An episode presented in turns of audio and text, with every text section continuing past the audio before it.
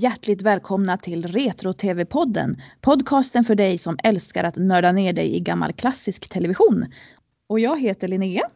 Och jag heter Erika. Ja, och idag ska vi prata om ett av mina absoluta favoritämnen och favoritserier, nämligen Star Trek.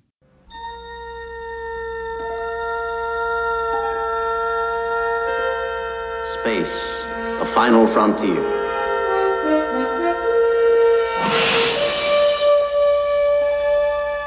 These are the voyages of the starship Enterprise. Its five year mission to explore strange new worlds, to seek out new life and new civilizations, to boldly go where no man has gone before. Så då, då tänkte jag börja med att fråga dig Erika, vad har du för relation till Star Trek? Ja, jag har väl kanske ingen alltför stark relation till Star Trek. Eh, Det ska sägas så här, jag skrattade för att Erika gillar ju såna här realistiska ordentliga serier så det här med sci-fi det, det är liksom ja det, det är inte Erikas tekopp om man säger så. Nej, det, det kan jag kanske inte påstå att det är. Eh, jag vet att min första, eh, första gången jag träffade på Star Trek, det var på fredag eftermiddagarna, slutet av 90-talet, när jag tror att de sände Star Trek Voyager. Mm. Och eh, jag såg ju det här då och då, men jag kan inte säga att jag blev överförtjust. Men jag såg det ibland. Ja, okej. Okay. ja, min, första erfarenhet var ju också Star Trek Voyager. Eh, jag tyckte det var ganska läskigt, eh, vet jag. Men, men, jag såg det sen när också Star Trek Enterprise gick där i början på 2000-talet så såg jag det också.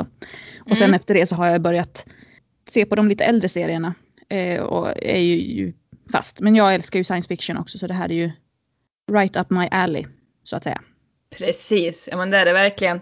Eh, ja. Och nu är det ju så lägligt för nu kan man ju faktiskt se alla säsonger på Netflix. Eh, ja, precis. Och jag tror att det är till och med alla serier, inklusive the animated series, som inte är så vanligt.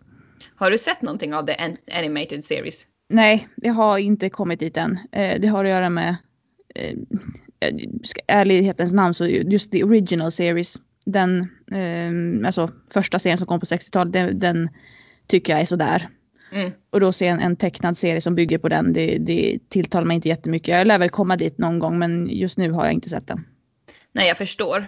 Men du, ska vi ta och börja från början eh, med Star Trek och liksom eh, gå igenom hela historien från serie 1 och bakgrunden till serie 1 och sen fram till idag.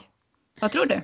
Ja, det kan vi göra. Um, då är det alltså vi befinner oss då i början av 60-talet. Ja, precis. Um, det är Gene Roddenberry heter mannen som kommer på hela, hela det här universumet och hela det här konceptet. Uh, han har idén redan 1964 mm. och han tänker på det som, som en västern ute i, liksom, ute i rymden.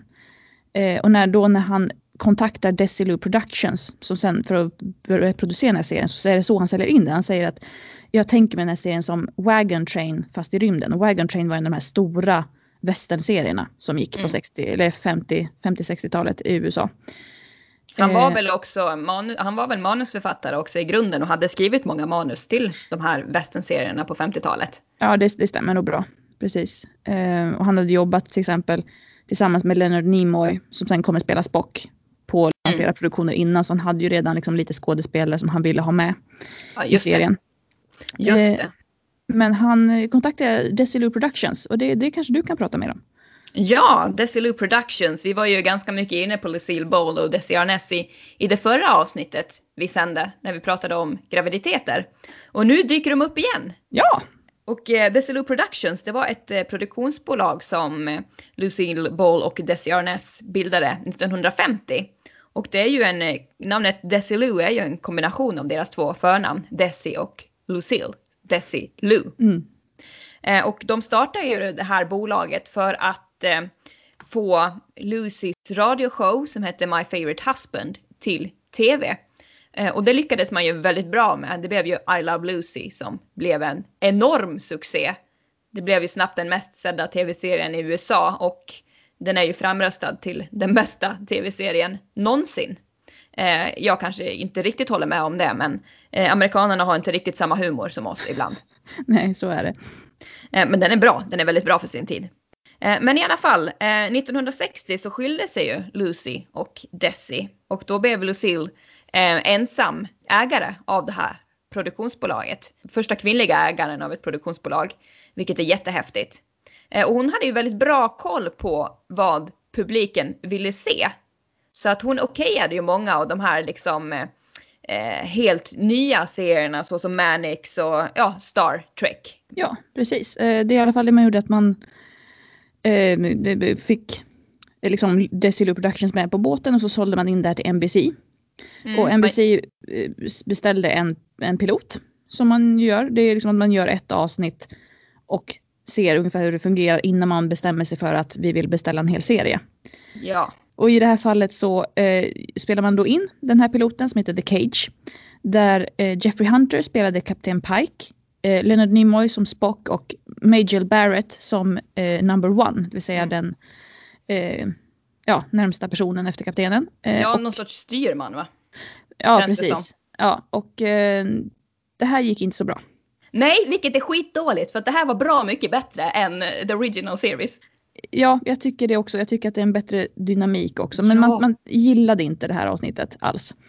Eh, och i vanliga fall så betyder det här att det blir ingen serie. Nej men precis. Det var väl, det var väl vissa saker som man, som man kritiserade. Man tyckte väl att det här avsnittet var för, alltså det var för intellektuellt. Det var för mm. svårt mm. att fatta. Eh, och sen så sa man att man kunde absolut inte köpa att det fanns en kvinna på kommandobryggan. Det var ju liksom no Nej. no. Ja. Och det är så synd för den här number one eh, som spelas av, eh, vad heter hon, Majel Barrett. Barrett mm. Hon, alltså jag tyckte att den karaktären var så bra. Ja, och det är hon också. Det, det, det är så enormt synd. Eh, men som sagt, det, det gick ju inte. Men då gjorde NBC det ovanliga att de faktiskt, för de trodde ändå på konceptet, så de beställde en ny pilot. Mm. Eh, men man ville ju då liksom byta ut hela ensemblen. Ja. Eh, och där satte faktiskt Roddenberry ner foten och sa att jag måste ha Leonard Nimoy som Spock. Det var liksom det han hade byggt allting på. Så Spock fick vara kvar. Men resten av ensemblen byttes ut till exempel. Och det är då vi får William Shatner som Captain Kirk. Mm, precis. Men du kan inte vi prata lite mer om den här The Cage? För att när jag såg den här, eh, det här var ingenting, du skrev ju en lista till mig på avsnitt ja. som jag skulle se. Och den här, det här avsnittet fanns ju inte med på listan. Nej. Men jag tror, jag fattar ju liksom inte att det var det första pilotavsnittet som låg med i eh, spellistan på Netflix. Mm. Jag bara, mm. det kan vara skitbra att se första avsnittet liksom. Um, så att man vet ja. bakgrunden och sådana här grejer och verkligen hänga med från början. Så jag bara, ja, jag ska se första avsnittet. Så gjorde jag det och jag bara, det här är ju bra! Det mm. var ju sån dynamik liksom och eh, jag gillar ju när det blir lite så här, ja men drama och kärlekstrianglar och sånt där. Och det kändes verkligen som att här finns det liksom, här är det upplagt för bra eh, drama. Just med den här, eh, något som jag tyckte var väldigt bra, det var när de får liksom en ung kvinna i, i besättningen. Eh, som kommer upp på bryggan, eh, kommandobryggan och lämnar över någonting. Varpå Captain Pike säger att ah, jag tolererar inte kvinnor på kommandobryggan. Och sen bara kollar han på number one som uppenbarligen är en kvinna och bara ah, ja, eh, du, det är liksom, ja, du räknas inte liksom. Nej. Och man ser liksom den här sårade blicken. Eller ja, hela liksom number one ser så otroligt sårad ut för det är ju ganska uppenbart att hon är väldigt, väldigt förtjust i Captain mm. Pike. Och jag bara det här är ju upplagt för, ja oh, det kommer bli så bra! Och så startar jag avsnitt två och så bara, vad fan! Det är ingen kvar! Oh, nej. upprörd. Så att jag tänkte liksom att nu skiter jag i det här. Där jag ja. såg det avsnittet som det hade skrivit upp ändå. Men nej, jag tror att det hade blivit så mycket bättre om man hade behållit originaluppsättningen. För hela den här dynamiken som fanns i pilotavsnittet liksom försvann. Ja, eh, och, och det, grejen var att det som man liksom klagade på det var just att man tyckte att Captain Pike och eh, Spock var alldeles, att de var alldeles för lika, att det blev för slätstruket. Mm. Det var den största kritiken. Och det är det som är en orsak till att de tog in William Shatner som är, som, ja, han spelar ju över något fruktansvärt. Ja. Eh, just för att få den här eh, Captain, eh, Captain Kirk som är liksom så utåtagerande mot då Spock som är väldigt, väldigt lugn och sansad. Ja, jag tyckte inte alls det funkade lika bra. Inte alls. Eh, jag tror att man hade, ja, jag hade önskat att, de hade, att han hade stått fast för sin idé ännu hårdare, men det är klart att han var ju han var ju tvungen att göra vissa saker mm. för att faktiskt få det här att hända och i efterhand är det ju väldigt lätt att säga att så här skulle han gjort istället. Eh, för att man, man kollar på det från våra nutida ögon. Ja, precis. Eh, Major Barrett är ju faktiskt med i, i den nya, den nya omdanade Star Trek också. För hon spelar ju Nurse Chapel i, Ja. i sjukstugan. Eh, men en mycket mer traditionell kvinnlig roll tyvärr. Ja, inte alls Eh. lika kul. Nej, och det är hon som också som gör rösten till, till skeppets dator och även till datorn i alla kommande skepp också, i alla fall fram till Enterprise. Sen är hon väl Diana Troys mamma. Mamma, Roxana Troya. Hon, eh, ja, hon, hon återkommer mer. Det är, för mig, Jill Barrett var ju gift med Gene Roddenberry. Att, Ja, alltså det här är ju också konstigt. Så som jag har läst mig till så hade han väl diverse affärer och han var väl ihop med hon, eh, han hade ju en affär med hon eh, eh, som typ ersatte Major Barrett som kvinna på bryggan. Den här Ja. första mörkhyade kvinnan. ja, Nichelle eh, Nichols. Ja, han eh, hade ju en, eh, han hade ju relationer med båda två samtidigt. Jaha, det och, är mer än jag visste. ja, nej men du vet det här är ju det jag gillar att grotta ner mig i. Men så, så hon Nichols, hon såg ju att Major Barrett, eh, att hon liksom verkligen älskade Roddenberry eh, mycket mer än vad hon gjorde då. Eh, och därför var det liksom att nej, det var Barrett som, som blev den som gifte sig med honom för att han var viktigare för henne än vad han var för Nichols. Jaha, det ser man. Eh, Ja, det är ett spännande triangeldrama som Mm. utspelar sig bakom scen. Det hade ju varit kul om det hade faktiskt utspelat sig på scen. Ja, ja det, är inte den typen av serie riktigt. Nej, nej jag Eh, vet. Eh, men där, där nämnde du Nichelle Nichols och det, det är ju väldigt intressant. Eh, för just man tänker på vad de sen byggde för ensemble till den här serien så är den ju väldigt eh, liksom blandad och progressiv för att vara 60-talet. Mm. Och det är den också som många pratar om just att det, de har en, en afroamerikansk kvinna som eh, kommunikationsofficer. Mm. Eh, och de har en, en eh, asiat-amerikan, George Takei, som spelar Hikaru Zulu som är då pilot för, för eh, Ah. Enterprise. Och sen i säsong två så Mm. tillkommer en karaktär som heter eh, Pavel Chekhov som också liksom tar hand och är pilot och så. Och han är uppenbarligen ryss. Ah, okej. Intressant att man vågar göra det här 67-68 som är då mitt under kalla kriget. Ja. Så tar man in en, en, en person som uppenbarligen eh, ska vara rysk eller rysk ättling. Och att Mm. de ska liksom jo- jobba precis lika bra som den här superamerikanska. För Captain Kirk är ju typ en cowboy i rymden. Det är han ju verkligen. ja. Ehm, eh, och att, att liksom, för att Roddenberry hade ju den här visionen om att i framtiden så kommer liksom inte knappt finnas några landsgränser. Allt kommer frid och fröjd. Vi kommer inte ha några rasmotsättningar eller någonting. Mm. Och det är ju det han har byggt hela den här ensemblen på. Så då har vi då till exempel Tjechov då som pratar med väldigt rysk accent. Och det Mm. måste ju varit ganska utmanande för, för amerikaner på 60-talet, tänker jag.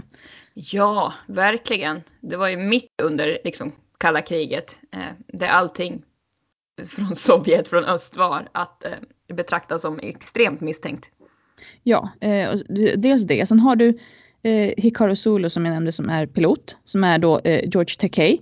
Och det här är ju som sagt 67, så det är ju bara knappt 20 år efter andra världskriget har slutat. Eh, George Takei satt faktiskt i ett sånt här eh, amerikanskt interneringsläger. Eh, för efter attacken mot Pearl Harbor så samlade man ihop alla Asian Americans och satte dem i läger för man var rädd för att de skulle liksom göra uppror och så på liksom fastlandet. Så George Takei satt ju i ett sånt läger som barn och sen bara 20 år senare så spelar han då den här rollen i en slags integrerad eh, ensemble. Eh, det var ju ett enormt stort steg för, för liksom asiatamerikaner för här är ju samma tidpunkt eller några år efter att Mickey Rooney har gjort sin fruktansvärda liksom, eh, asiatiska eh, liksom, eh, vad heter det? I, jag tänker på eh, Breakfast at Tiffany's. Han Ah. spelar ju hyresvärden där som ska vara asiat och han gör det liksom fruktansvärt stereotypt. Det, är- Ja, det är ju aha. exempel man brukar ta upp på, på hur illa det är när vita skådespelare spelar liksom, en person av en annan, liksom, från ett annat, alltså en annan hudfärg.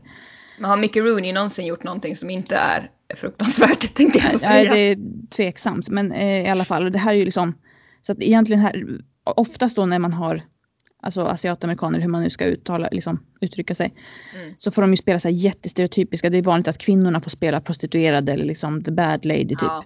Och sen har vi då en, en, en man här som dessutom har suttit i sånt interneringsläger som får spela en av de viktigaste rollerna i liksom, den här serien. Så det är ju ett stort steg för, för den folkgruppen. Och sen Ja. har vi då som sagt Nichelle Nichols. Precis. Som svart kvinna eh, är, har liksom en sån betydande roll på kommandobryggan. Mm. Men det, är så, det där är ju så märkligt liksom att man först bara nej vi kan inte komma, acceptera en, en kvinna på kommandobryggan så vi tar bort number one. Sen har man ju ändå en kvinna på eh, kommandobryggan. Nej, och jag, alltså jag undrar om det är just att det som stack i ögonen var att, att, um, att det var en kvinna som var ah, liksom second in command. Ja, så att det var vara det som stack i ögonen och framförallt att det var en kvinna som för att number one är en ganska stark karaktär också. Alltså, Jättebra det, karaktär. Och precis därför som Captain Pike säger, men du räknas inte för att han tänker på henne ungefär som på en man. Ja. Men medan Lieutenant Uhura som då Nichelle Nichols spelar är ju fortfarande väldigt, väldigt feminin, väldigt kvinnlig. Eh, kan liksom inte utmana kaptenen på det sättet. Okej. Okay. Det, eller det här är ju då min personliga tolkning med att det är så man har valt att göra. Sen kan jag tänka mig också att det är Roddenberry som ändå har krävt vissa saker. Um, men, också, men jag tror, man, det kan också vara så att man, att man sålde in det lite som att men titta vi har en afroamerikansk skådespelerska. Att det skulle liksom, även om det kanske hade varit problematiskt i södern så lyfter man fram det för att liksom få in mer publik. Så kan det ha varit, absolut. Eh, men precis som du nämnde just det här med, med liksom, att Michelle Nichols, att det är nydanande att man har en kvinna på bryggan, mm. framförallt en svart kvinna, för det var väldigt ovanligt. Och det finns ju massa eh, vittnesmål om, till exempel Whoopi Goldberg brukar ju prata om det när hon satt hemma och tittade på TV när hon var liten. Och så började Star Trek och så såg hon Nichelle Nichols och så har hon berättat att då, hon sprang in i köket till sin mamma och skrek att Mom, there's a lady on the television, there's a black lady on the television and she ain't no maid. För att svarta Ah. kvinnor spelade bara husbiträden, liksom så, hembiträden och hushållerskor och så. Jag förstår. Och Whoopi Goldberg har tagit upp det här som exempel på varför hon sen när man gjorde Star Trek The Next Generation på 80-talet, varför hon kontaktade Roddenberry och frågade om hon fick vara med. Just för att Star Trek hade betytt så mycket för henne. För det, det gjorde att hon insåg att jag kan också bli skådespelare, även fast jag är svart. Ja, just det. Hon spelar någon sorts barägare eller eh, hon förestår väl någon sorts bar där. Ja, eh, Guinan som hennes karaktär heter, hon har någon slags eh, speciella krafter. Hon kan liksom känna av när saker är fel eller när det har blivit så här tidsförskjutningar och sånt. Mm. Så hon har lite eh, hon är förestår den här baren men också li, nästan lite av en psykolog på skeppet skulle man kunna säga. Okej. Och, nära, och nära vän till Picard. Ja, ja, just det. Just det. Men du, du som Star Trek-expert. Det finns några saker som jag skulle vilja ha svar på eller bena ut här. Okej. Vad är The Federation? Eh, The Federation det är alltså en samling av eh, planeter i alfakvadranten. Alltså, alfa, eh, våran, alltså Vintergatan är indelad i fyra kvadranter. Det är alfa quadrant, där ligger till exempel jorden och eh, Valken och lite av de här. Eh, så The Federation är liksom, de planeter, de raser som har gått ihop för att liksom, jobba mot ett gemensamt mål, att utforska rymden och så. Eh, och där ingår till exempel jorden, Vulcan som Mr Spock kommer ifrån. Senare längre fram så ingår väl även, eh, eller Klingons, de har någon, någon slags eh, allians i alla fall med. Så det, det är många olika planeter som ingår här som jobbar tillsammans mot ett, eh, men lite som ett rymdens eh, Förenta Nationerna. Ja, okej. Jag läste någonting om att det var en 150 planeter något sånt där som ingick ja, i det här. Ja, det kan stämma. Man pratar inte så mycket, eller man pratar inte alltid om alla planeter. Nej. Men det, är ju- väldigt jordenscentrerat då. Ja men precis och sen har man en, en stjärnflotta som jag har förstått det. Ja. Och eh, The Starship, alltså det verkligen praktskeppet här är USS Enterprise. Ja, som stämmer bra. flera av serierna utspelar sig på, bland annat då den här första serien. Mm, Eh. fast det, det, det, det är olika Enterprise, ska jag säga. Det Ja. här är ett namn som återanvänds eh, till flera deras skepp. Ja, men jag tänker att det här är en, en referens till de verkliga USS Enterprise för att det här var ju ett vanligt namn att döpa båtar i den amerikanska flottan till. Precis. Och jag menar 1962 så hade man ju eh, lanserat den här eh, stora USS Enterprise, det här hangarfartyget som var i tjänst ända fram till 2012. Och det var ju det första atomdrivna hangarfartyget. Så att det här var ju liksom state of the art technology. Mm. Och då är det så här, har man döpt det här rymdskeppet som är state of the art technology efter en båt i den verkliga, eller ett skepp i den verkliga flottan som är liksom, som har den allra senaste tekniken. Det känns ju som att det kan finnas en, en parallell där. Jo men så är det ju. Eh, och det är ju det, alltså hela egentligen uppbyggnaden med, med The Federation och Starfleet och allt, det, det bygger ju på traditionella, alltså mm, våra traditionella mm, uppbyggnad med, med flotta och hela den. Så att man har ju tagit namn rakt av som var vanliga för fartyg. Mm. Ehm, helt enkelt, så att det är, det är en väldigt tydlig parallell.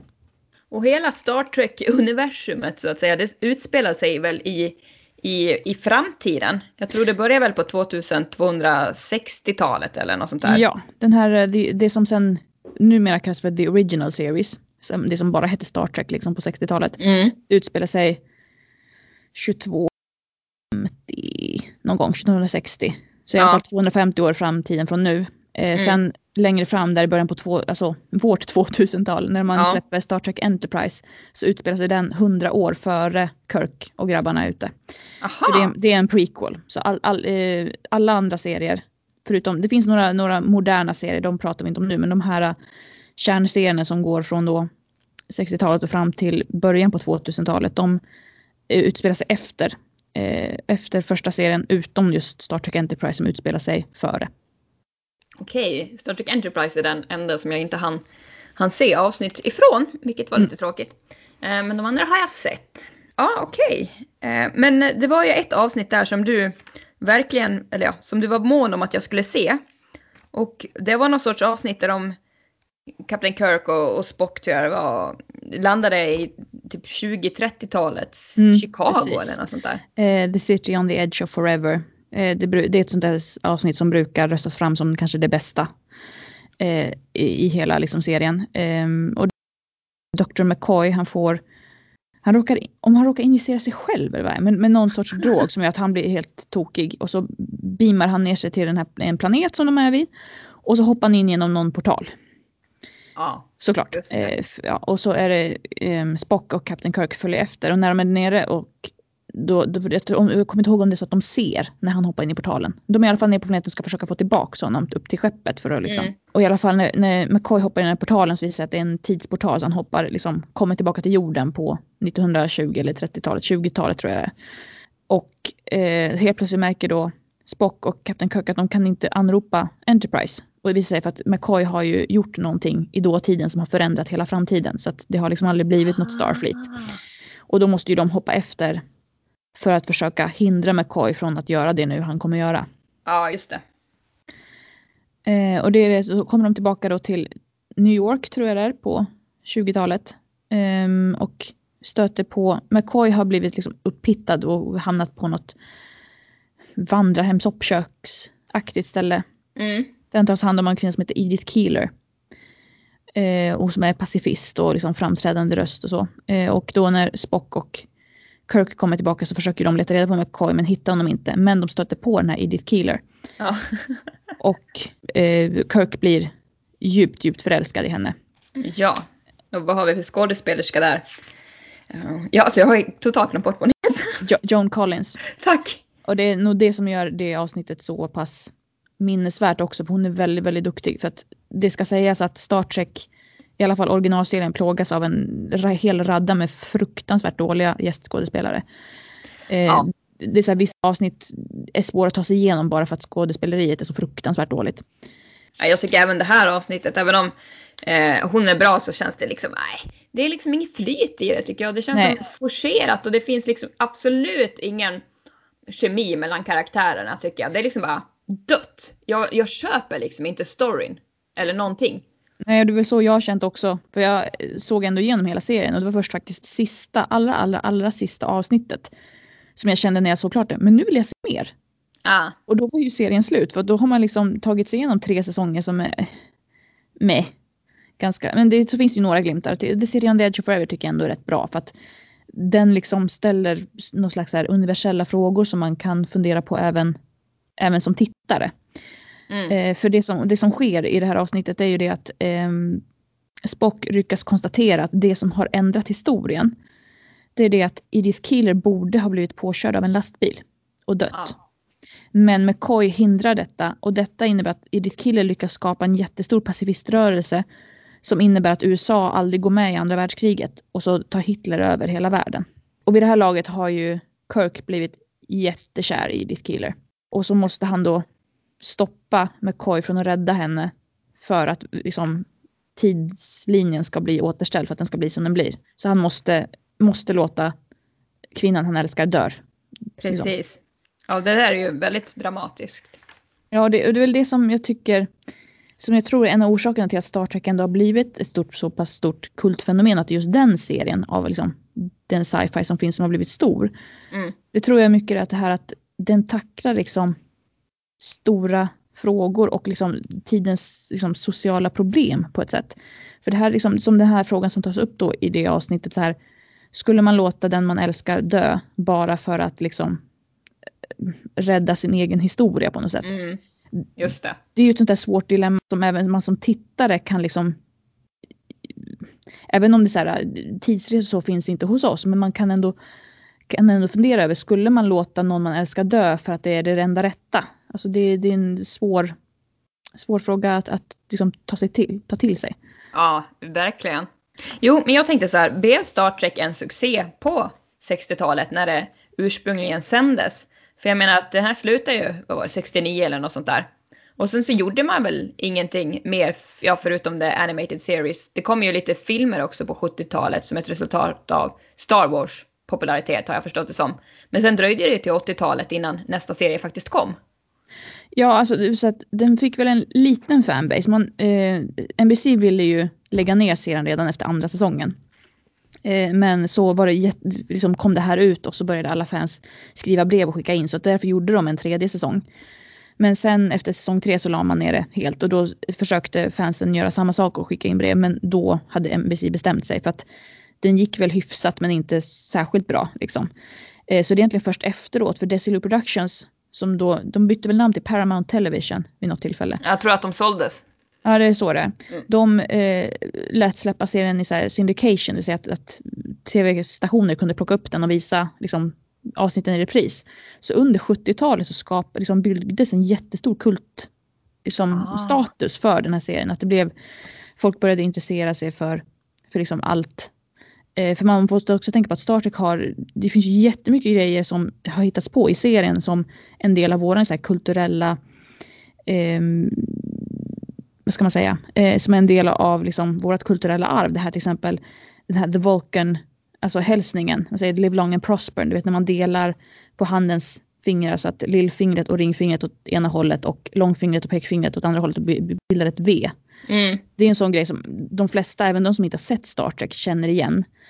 Eh, och det här att Klingon, det här, både den här rasen men även språket blev ju så pass stort att det finns ju faktiskt en 20-30 personer idag som talar det helt flytande. Ja men gud. Så liksom, precis, och, det är så, så här, och, så, och så många andra som liksom kan prata lite grann. Så det har liksom haft en så stor påverkan på våran kultur och så. Ehm, och, så och så den här kultstatusen den byggde på på 70-talet. Så att eh, sen gjorde man ju då, precis som sa, The Animated Series. Men sen eh, började man fundera på att göra en ny serie som skulle heta Star Trek Phase 2.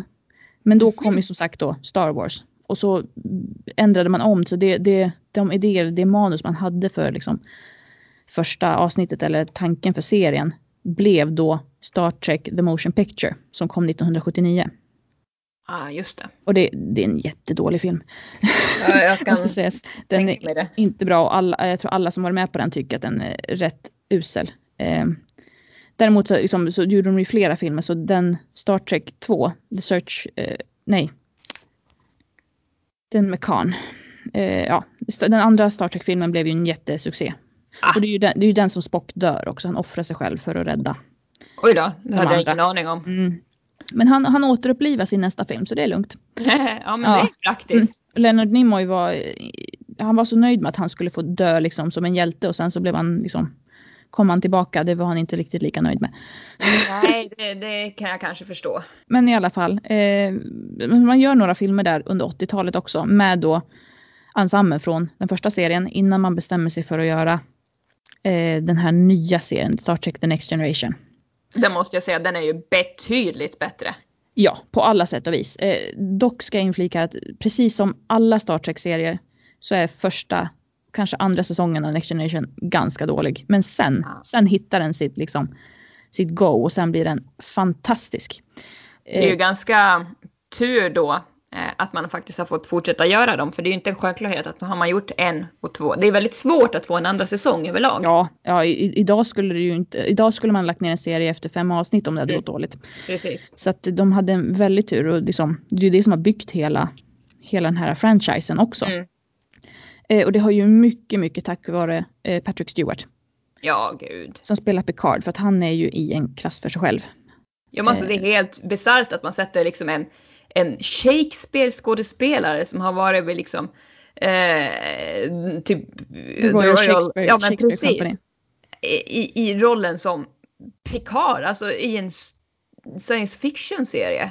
Mm. Och eh, det- vad jag förstått som det var ju lite problematiskt på inspelningsplatsen just på grund av det här.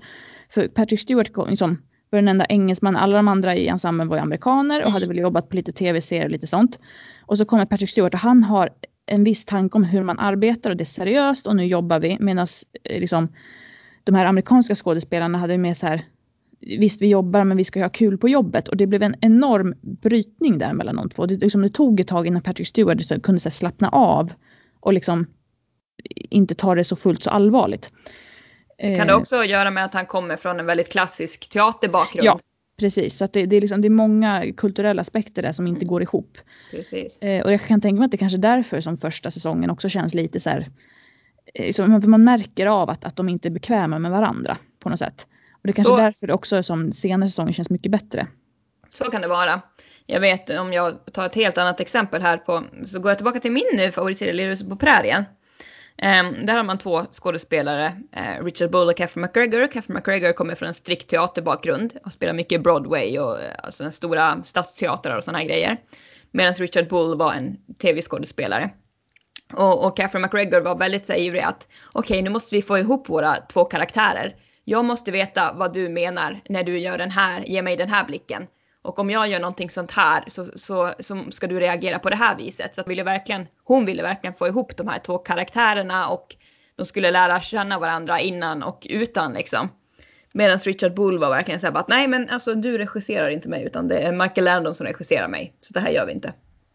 Och det, jag tror det kan vara lite samma sak just det här med att man vill verkligen som teaterskådespelare kanske bygga sin karaktär väldigt djupt. Mm. Medan man som tv-skådespelare mer förlitar sig på vad regissören säger och inte alls går lika djupt in i sin karaktär.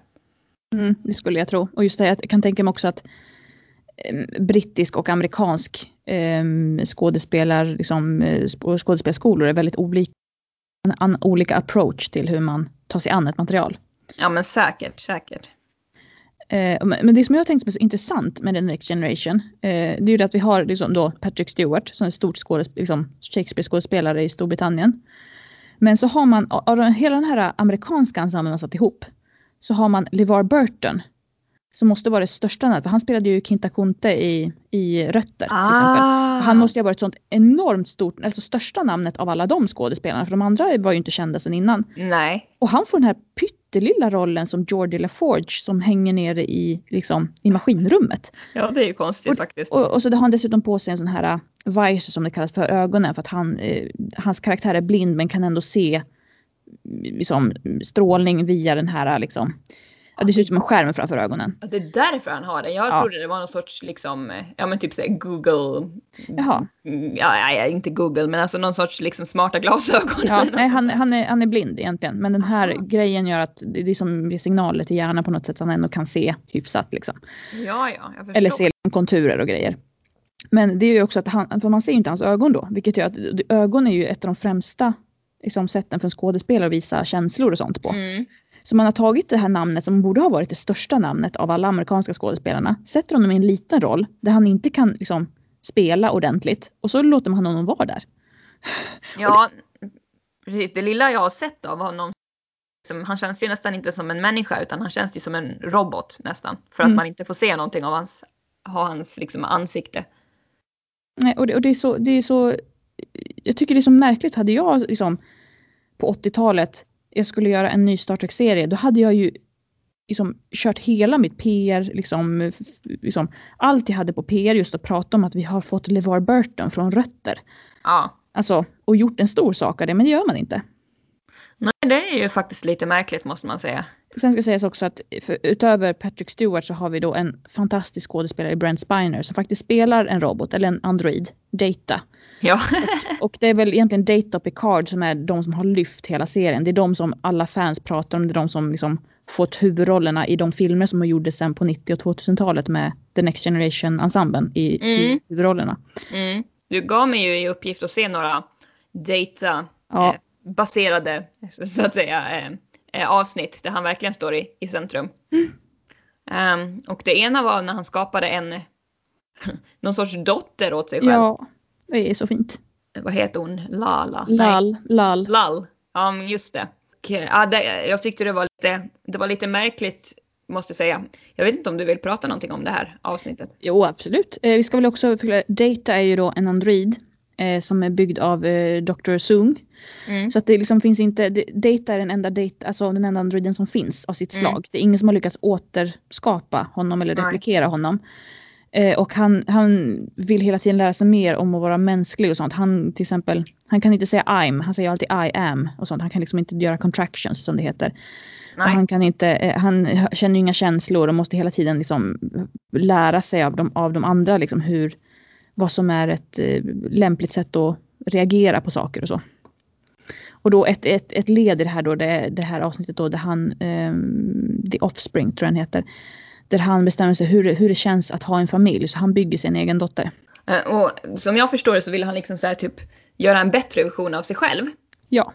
Eh, men något som jag tycker är så himla konstigt är att det avsnittet som jag såg tidigare, som också hade Mr Data liksom som huvudkaraktär. Då var det ju en forskare som kollade och liksom ville plocka isär honom ja. för att se hur han var byggd.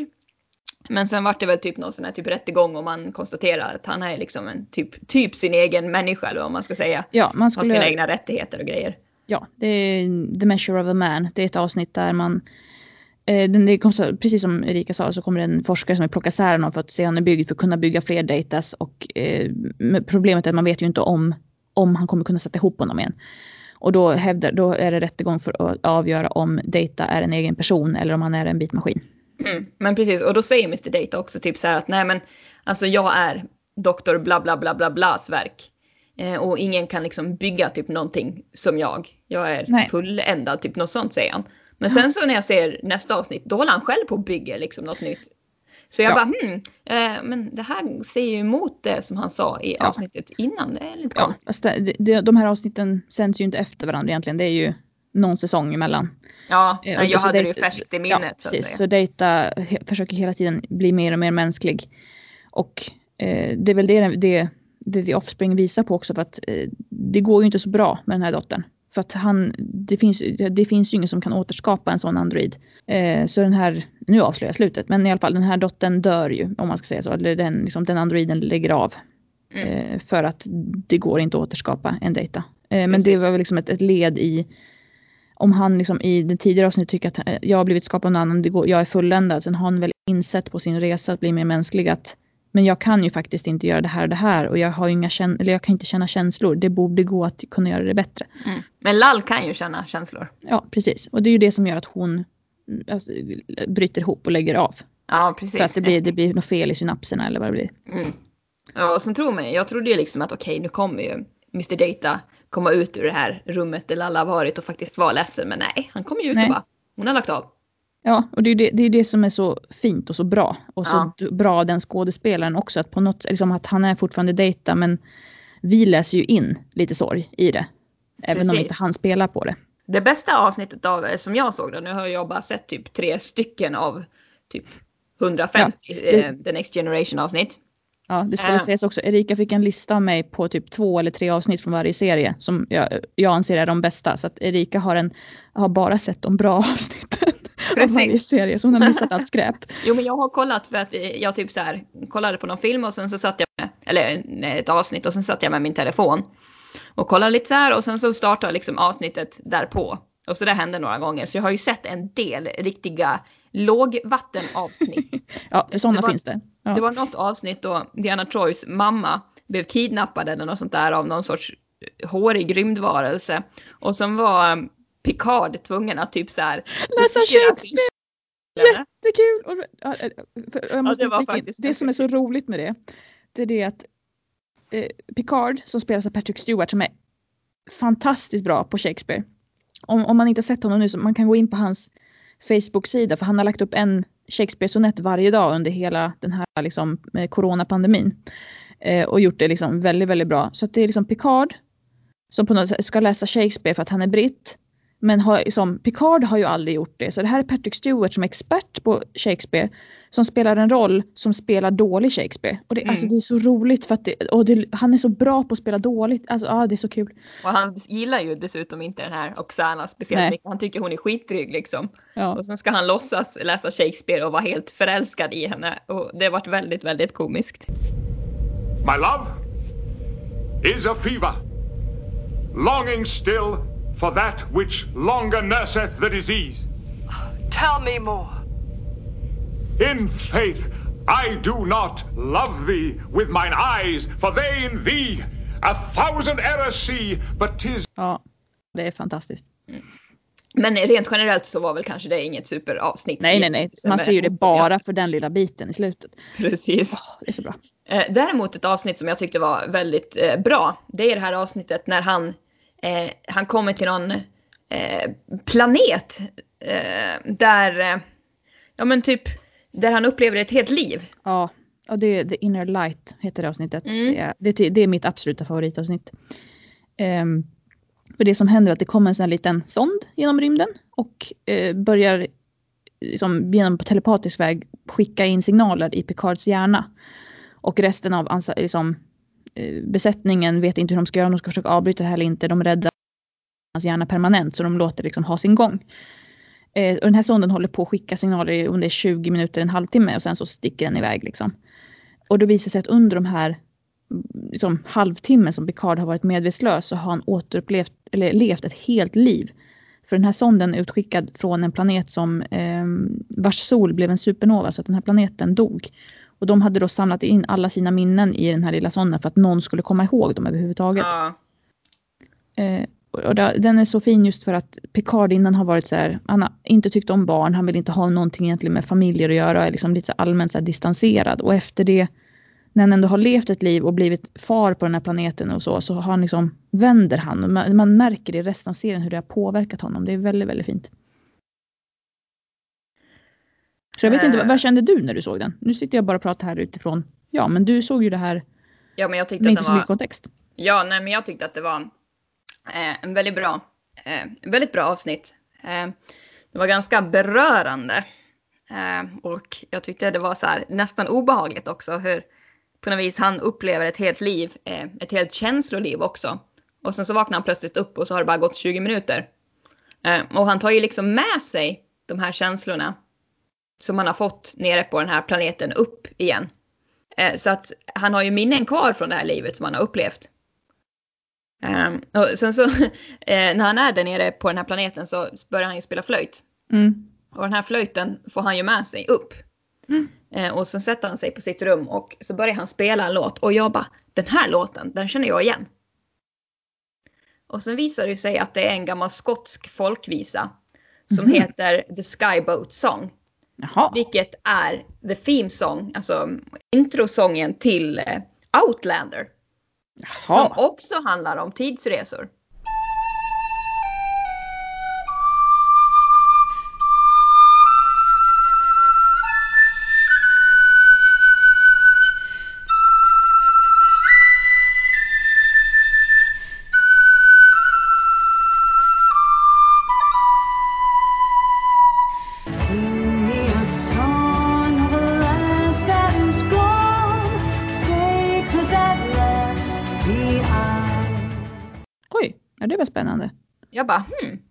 Är, och då tänker jag så har man i och för sig det är en gammal skotsk folkvisa och eh, Outlander ska utspela sig liksom på 40-talet och sen i Skottland på 1700-talet. Men det är ändå så här bara, hmm, har man, har man tagit med den här sången också som liksom en, på grund av att den är med i, i Star Trek på, på samma tema på något vis? Finns ja, det, en parallell där? Det låter ju inte helt otroligt. Nej. Eh, det är ju jätteintressant i så fall. Ja men precis. Eh, Ja, det visste jag inte. Ja, men det var, det var väldigt kort, men det var liksom det här introt. Bara, dum, dum, dum. Jag bara, hm, det där känner jag igen. Och då visade det sig att det var den där låten. spännande. Jag har sånt otroligt musikaliskt öra. Eh, och det man ska säga om Star Trek The Next Generation det är att det är ju början på egentligen en oavbruten kedja av Star Trek som går ända då från 87 när The Next Generation har premiär till eh, när Star Trek Enterprise slutar. Nu är jag osäker på om det är 2004 eller 2005. Det är sista avsnittet igår. Men under den perioden så är det alltid minst en Star Trek-serie som går. Och under början på 90-talet så är det alltid två serier som går parallellt. För efter The Next Generation efter det kommer Star Trek Voyager och sen kommer Star Trek Enterprise. Hallå, det var Erika här under redigeringsprocessen. Tänker varje gång som Linnea ska räkna upp någonting så blir det något fel på mikrofonen. Men de tre serierna som hon räknar upp här är i alla fall Star Trek Deep Space Nine, Star Trek Voyager och Star Trek Enterprise. Varsågod och fortsätt Linnea. Och här har vi lite Star Trek Deep Space Nine för den utspelar sig ju på en som rymdstation. Där har ja. vi inte ett skepp vi följer. Eh, men det som är intressant är, där har vi för första gången då en svart eh, som befälhavare. Ja just det. Avery Brooks. Um, och det, liksom, det gjorde man ju en grej av att vi hade en, en svart befälhavare men framförallt så är han ensamstående far. Mm. Eh, och det vet jag, jag har liksom läst en hel del intervjuer med afroamerikaner som lyfter fram det här för det är så sällan man får se ett liksom, afroamerikanskt faderskap porträtteras så pass bra på tv och film. Mm. Att, liksom, att, att, att, att, man lyfter fram det att, att en, en, en svart man kunde vara en god far och att liksom en svart man med barn var inte en, en liksom, hallick eller sålde droger eller var ute liksom. För det var ju oftast det som kom fram liksom. Jag kan tänka mig ett av de få andra exempel på liksom, ett bra svart faderskap. Det kanske var Bill Cosby och möjligtvis då eh, pappan i Fresh Prince of Bel-Air. Men det, ja, båda de ja. två är komediserier också. Precis, och pappan i Fresh Prince eh, of Bel-Air, han är ju aggressiv. Alltså han är mm. surig som satan hela tiden. Ja. Um, ja men alltså det är väl för, förhoppningsvis att man har nått alltså en, en normalitet. Man gör inte skillnad mm. längre. Precis. Vilket är superskönt. Men jag såg ju den här serien och jag var absolut inte begeistrad. Jag tyckte liksom The Next Generation, det var de avsnitten jag såg, de var liksom, det var helt okej. Okay. Jag led inte av att se det. Men det här led jag av att se. Det här tyckte jag inte alls var bra. Nej, och det, det är det som är grejen för att det är många fans som lyfter fram att de tycker Next Generation är liksom bästa skådespelaren men Deep Space Nine är bästa serien. Med att just Deep Space Nine där kommer in, det blir stort intergalaktiskt krig och massa, liksom längre fram. Och eh, för Gene Roddenberry hade ju den här visionen om att i framtiden är allt perfekt, det finns inga bråk mellan människor, det finns ingen man liksom, det finns ingen rasism. Alltså han var väldigt altruistisk i sitt tänk så att, att det skulle vara. Och så länge Jim Roddenberry levde så fick man inte göra, som Star Trek fick inte visa på de problemen, i alla fall inte inom federationen. Nej. Men eh, Jim Roddenberry gick ju bort 91 och då började liksom de som tog över Star Trek började liksom jobba med det här och just Deep Space Nine handlar om att Star Trek blir lite mer skitigt. Lite mm. mer verklighetstroget och det är det som många fans gillar. Samtidigt ska man väl vara ärlig och säga att Deep Space Nine inte har de bästa ensemblen. Nej, nej precis. Ehm, det, det tyckte jag var ganska tydligt och det var väldigt, alltså det var så dålig dynamik mellan dem tyckte jag och nej det kändes, det kändes nej, det nej. kändes som att det var någonting som inte riktigt eh, det flög inte om man säger så. Nej. Själv tycker jag att det är alltid att det är gästskådespelaren Deep Space Nine som lyfter. För att mm. Deep Space Nine har bland annat Louise Fletcher i en återkommande roll. Louise Fletcher som mm. kanske mest känd som Nurse Ratched i Jökboet. Ja, precis. Hon, hon, spelar skurk jättebra. Alltså hon spelar en, en religiös ledare som ska liksom, så att hon är liksom någonstans där mitt emellan hela tiden men så tydligt att hon är antagonist. Till, ah, den, hon är väldigt, väldigt bra för det är ju det hon är bra på. Mm. Louise Fletcher. Och sen har vi um, Mark Alemo och um, ja, det är två, två skådespelare som spelar Kardashians och de är också jättebra för Kardashians är ju såna här äh, personer som ljuger mycket och, och äh, som hela tiden skumraskaffärer för sig. Andrew Robinson heter den andra skådespelaren. Okay. Och så fort de är med så lyfter serien jättemycket också för de är väldigt, väldigt bra. Eh, men tyvärr så de, de är inte med i den fasta ensemblen så att de eh, vissa avsnitt är ju också sådana som jag helst bara hoppar över. Ja, jag förstår. Ja, men jag, för mig är det ju så här att när det är en genre som jag tycker som inte är min favoritgenre. Eh, då är det för mig väldigt viktigt att det är liksom bra skådespelare och mm. att det är en bra dynamik dem emellan. Eh, och sen när man märker på den här serien att okej, okay, det här är liksom inte, det här är inte något bra. det, det funkar liksom inte riktigt för mig och då, då fallerar hela serien. Mm. Jo men såklart. Och det som är så intressant är för att det finns ett avsnitt där alla skådespelarna spelar eh, det är Commander Cisco, att alltså han huvudrollen eh, drömmer eller får visioner om att han är en, en science fiction eh, författare på 50-talet. Så att alla eh, i ensemblen spelar då en, en 50-talsperson. Och det är ju första gången vi får se några av de här eh, liksom skådespelarna utan jättemycket mask och smink, för de har ju jättemycket sånt i vanliga fall. Och det intressanta är att de två som jag tycker är bäst skådespelare i vanliga fall, som spelar då Quark och Odo, som är två karaktärer, alltså de är ju andra, så de har jättemycket smink och mask på sig. De är ju de klart bästa skådespelarna även utan mask och smink. Ah, okay. Och det, det, det, det, lyser igenom så väldigt mycket för att de är lika trovärdiga i båda rollerna medan jag tycker att alla de andra kämpar för att hitta sin nya karaktär när de ska spela 50-talsmänniskor. Att det, det blir ah. så här, på ytan men de är verkligen både sina liksom aliens och sina 50-talsmänniskor. Så det, det, det, blir, det, det avsnittet gjorde det så väldigt tydligt vilka det är som faktiskt kan hantverket. Har um, uh, Deep Space Nine, har det gått på svensk tv någon gång? Det är det jag är osäker på för jag har inget minne av det. Eh, men jag tänker att det måste säkert ha gjort det men kanske inte på en av de inte för Voyager och Enterprise gick på SVT. Jag ja. funderar på om Deep Space Nine gick på någon av de liksom, kabelkanalerna. Ja i så fall måste det ha gjort det för det är liksom pratar man om Star få som refererar till Deep Space Nine men det är mm. väldigt många som pratar om Voyager och Enterprise. Ja. Ehm, så att eh, det är väl kanske inget som är det är inte en av de liksom eh, de mest kända Star Trek-serierna skulle jag säga. Även om många Die Hard-fans lyfter fram det som liksom det bästa. Ja, nej men och det har mycket att göra tror jag att The Next Generation, både liksom the original series hade Kirk och Spock och McCoy och liksom mm. William Shatner då som Kirk. The Next Generation hade Patrick Stewart. Eh, Deep Space Nine har ju ingen sån fix skådespelare. Liksom. Nej, precis. Men dyker det upp skådespelare eller karaktärer från liksom de här skeppen eh, på rymdstationen? Mm, det, det gör det. Eh, första eh, avsnittet av Disney har ju mycket, eh, Picard är ju med i det. Ah, okay. Eh, för det är nämligen så att Picard var ju delaktig i, i ett stort fältslag där Benjamin Siskos fru dog. Så de bygger upp en antagonism mot varandra redan från början. Eh, så att man bygger ihop det här och sen eh, samma sak när då senare serien Star Trek Voyager för de hamnar ju i en helt annan del av, av universum. Eller av, av galaxen så bygger man ihop det med vissa skådespelare från The Next Generation som försöker få tillbaks dem till jorden. Liksom. Okej, okay. spännande. Spännande. Uh, men uh, ska vi prata lite om Voyager då? Ja, för där har vi också en nytt. Va, va, vem är den här kaptenen? Det är första gången vi har en kvinnlig kapten. Ja, nu har vi äntligen kommit någonstans från 60-talet. Äntligen en, en kvinna på kommandobryggan som ja. får styra och ställa. Ja. Uh, ja men det här är ju den serien som jag minns från min, från min barndom och den här karaktären minns man ju väldigt väl. Mm. Hon var ju häftig liksom ändå att hon satt där och gav order. Mm. Och hon skulle ju, eh, det är ju Captain Janeway som heter, hon var ju faktiskt inte förstahandsvalet. Nej, det här tycker jag mig minnas ha läst någonting om, men jag kommer inte ihåg. Du får gärna berätta. De hade valt ut, det finns en, om hon är kanadensiska, men Genevieve Bujold hade gjort mycket, mycket filmer och sånt tror jag på 70 80-talet. Hon hade fått rollen som då Nicole Janeway som hon skulle heta.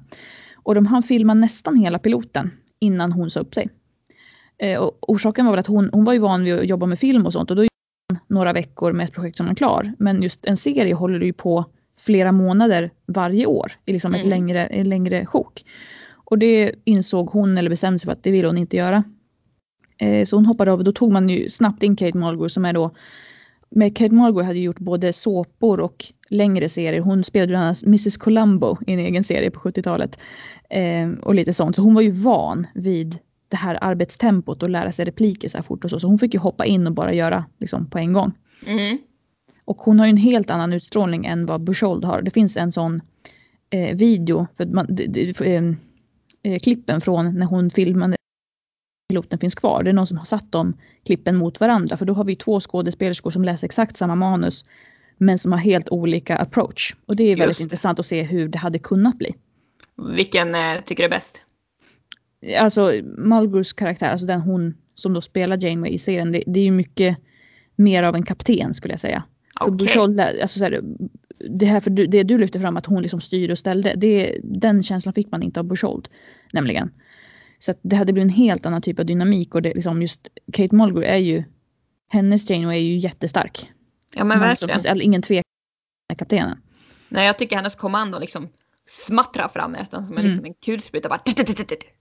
Mm. Eh, hon är, ja, nej det syns att hon är in charge och alla, alla respekterar henne. Mm. Eh, Men där såg vi ett, eh, ett intressant eh, avsnitt som jag var lite inne på i, i vår förra avsnitt. eh, om graviditeter Ja just av det. eh, alla saker. Men då är det ju, jag tyckte att det här var lite svårt att fatta men eh, de hamnar i någon sorts, jag vet inte om de går, blir fast i någonting eller hamnar i, i någon sorts fält eller hur det nu var. Ja, det, det är något sätt att det blir som två dimensioner. Så att Voyager, alltså skeppet Voyager existerar på två plan samtidigt. På något sätt. Precis, väldigt komplicerat. Eh, måste jag säga. Men då måste de väl typ samarbeta för att de här två besättningarna som är identiska måste samarbeta på de här två skeppen som är identiska för att överleva. Ja, för att de, det, är, det är ett annat, eh, en, en alienras som är ute efter att ha ihjäl dem. Eh, och det, är det, det som har hänt att när, det har skett, när, här, när de här två skeppen har liksom, när de har delat på sig för att bli två skepp. Så det ena, ena Voyager har ju liksom klarat det här hur fint och bra som helst och allt är frid och fröjd. På det andra Voyager så har ju allt gått sönder och folk har dött och liksom så. Så man måste liksom och så inser man att det är det, liksom det trasiga Voyager som är det som måste fortsätta gå. Så man får ju liksom försöka eh, se till att tejpa ihop det här skeppet eller vad man ska säga. Ja, det tyckte jag var en ganska spännande twist där på slutet. För man var ju helt övertygad om att okej, det är liksom det, det hela Voyager som kommer att bli det som blir kvar. Men sen blir Ja. de intagna av den här främmande alien-rasen. Och har ingen chans att klara sig, så då är det liksom det trasiga Voyager som gäller. Mm.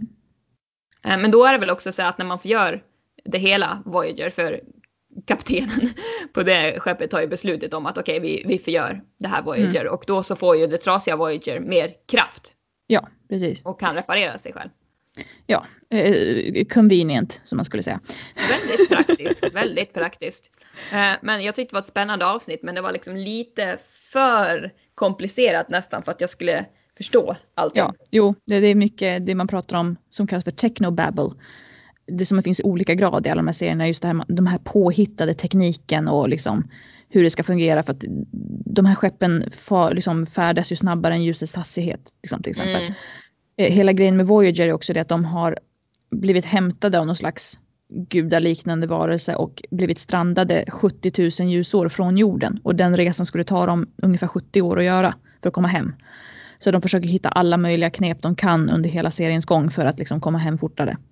Aha, är det därför att det heter Voyager? För att det är liksom resan hem eller något sånt där? Alltså, Ja, fast egentligen för det deras uppdrag från början för Voyager, det är ju fartyget som heter Voyager. ja, deras jo, uppdrag från början var ju ett vanligt, eh, helt annat uppdrag från början. Sen blir de transporterade så här långt bort. Så att, men sen har man ju det är säkert så man har tänkt från serieskaparnas håll, att det är därför vi väljer Voyager som namn. Men det är liksom inte in i universumet, om du liksom är en, en besättning som har Voyager så fanns det ingen sån tanke. I och med att man inte visste att man skulle bli strandad. Ja, just det. Ja, spännande. Ja, det är väl egentligen, det är alla de här klassiska 90-talsserierna och sen på början på 2000-talet så får vi då Enterprise, sen, sen senare döps om till Star Trek Enterprise, som handlar då om liksom, vad som hände hundra år innan Kirk och det. Och hur man får se hur man bygger upp. Och de, det som är intressant med den serien är att de har ju mycket sämre teknik och de har ju inte alla grejer som man ha, har liksom, i de andra serierna och så. Men den serien blev inte alls lika populär. Den gick bara, för både, eller The Next Generation och Deep Space Nine och Voyager gick ju alla sju säsonger var. Mm. Eh, och Star Trek Enterprise eh, avslutades redan efter fyra säsonger. ja, Så där, där, där på något sätt dog en era för Star Trek. Mm. Ja, och sen så dröjer det väl ganska länge innan det kommer något nytt va? 2017 verkar det ha kommit en ny serie, Discovery eller något sånt va? Ja, jo, jo precis, men däremellan från om det är 2009 så startar man ju om filmserien Star Trek. Då botar man ju om det. Då gör man, då gör man en ny version med Kirk och dem. Ehm, så det, 2009 börjar liksom, det kallar man för The Kelvin Universe för det utspelar sig liksom eh, man har valt att göra eh, liksom en, en ny tidslinje helt enkelt så man kan bestämma lite själv. Så man inte behöver förhålla sig till serierna. Okej. Eh, så där har man gjort tre filmer och sen nu, och det var liksom tack vare de serierna blev som framgång, eller de filmerna blev liksom i alla fall första och andra filmen blev som framgång så man valde att göra nya serier igen. Så nu har vi Star Trek Discovery, vi har Star Trek Picard. Eh, och så finns det en ganska ny tecknad serie som bara startade för några månader sedan som heter Lower Decks också. Man får, följa, man får följa några, eh, några i besättningen, alltså inte de som är, som är på kommandobryggan utan de som faktiskt gör det dagliga arbetet nere i maskinrummet till exempel. I tecknad form?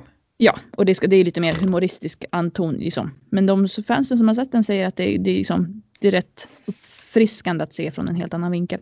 Ja, Okej, okay. ja, jag kan tänka mig vinkeln är intressant men jag skulle ha väldigt svårt att kolla på tecknad science fiction alltså. Jo. Det är, det är liksom, det, nu, då, då går det för långt för, för mig. Um, där drar du en gräns. Ja, där drar jag min gräns. Tecknad science fiction då. Nu får det vara nog. Ja. Eh, men alltså Star Trek Discovery. Jag läste lite om det här. Ehm, men är det Captain Pike som är huvudpersonen där? Ja, alltså jag har inte sett Star Trek Discovery för jag, tänkte, jag har inte hunnit se klart allt av det äldre än så jag tänkte Nej. jag skulle göra det först. Men ja, jag förstår det som att det, man följer Captain Pike så att ja. man har liksom valt det spåret. Istället. Och number one ska också vara där. Eh, mm. Så jag bara yes, nu kanske man inte får lite drama. Men jag, det är, jag har sett något klipp på Youtube och det är inte alls samma dynamik mellan Nej, dem. Det är, en helt annan, det är en helt annan typ av serie. Precis, eh. och då vart jag sur. ja, den är ju mycket, den är ju 50 år mer modern också. Ja men den är ju det, men ah, jag tyckte det var så bra där första pilotavsnittet. Det fanns som potential. Och ja. det är ju uppenbarligen inte bara jag som tycker det, för jag var inne på fanfiction.net och det fanns ju hundratals liksom, eh, historier med eh, besättningen från pilotavsnittet. Um, så att eh, jag tack och lov inte ensam där. Nej. Um, men vad bra, vad bra. Du, jag har en, lite märklig grej som jag upptäckte när jag läste lite om um, Roddenberry. Ja. Vad han heter. Alltså en del av hans aska har ju skickats upp i omloppsbana. Ja just det. Ja det hade jag glömt men ja det stämmer. Det är ju helt sjukt. Ja det är det. Det är helt absurt faktiskt. Men alltså de ska skicka upp ännu mer. De ska ju skicka upp eh, mer av hans aska och sen också av eh, eh Major Barretts aska. Jaha. Eh, och eh, man planerar, jag tror att först var uppskjutningen planerad till 2013 sen 2016 och sen så pratar man om det liksom nu också att man ska göra det. Men jag tänker att, men vilket otroligt slöseri på både pengar och naturresurser. Ja, alltså men kör de inte upp den samtidigt som de ändå ska göra någonting annat?